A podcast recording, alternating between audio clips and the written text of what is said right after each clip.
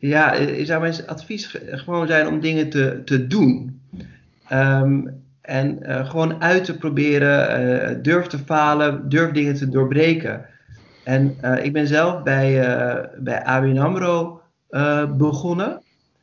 en ik heb eerst reguliere functies gedaan. En, maar wat mij eigenlijk echt veel, veel plezier gaf en waar, waar ik enigszins succesvol in werd, is als ik gewoon zelf plannen bedacht en die uitvoerde. en dat kan altijd. Um, dus laat je ook niet afschrikken als je bijvoorbeeld als je een plan hebt en je leidinggevende vindt het een slecht idee.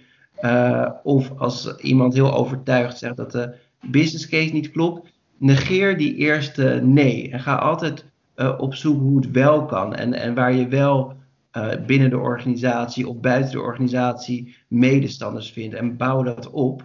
Um, want andere ideeën uitvoeren, dat kan altijd nog. Maar zelf een idee bedenken, daarmee aan de slag gaan.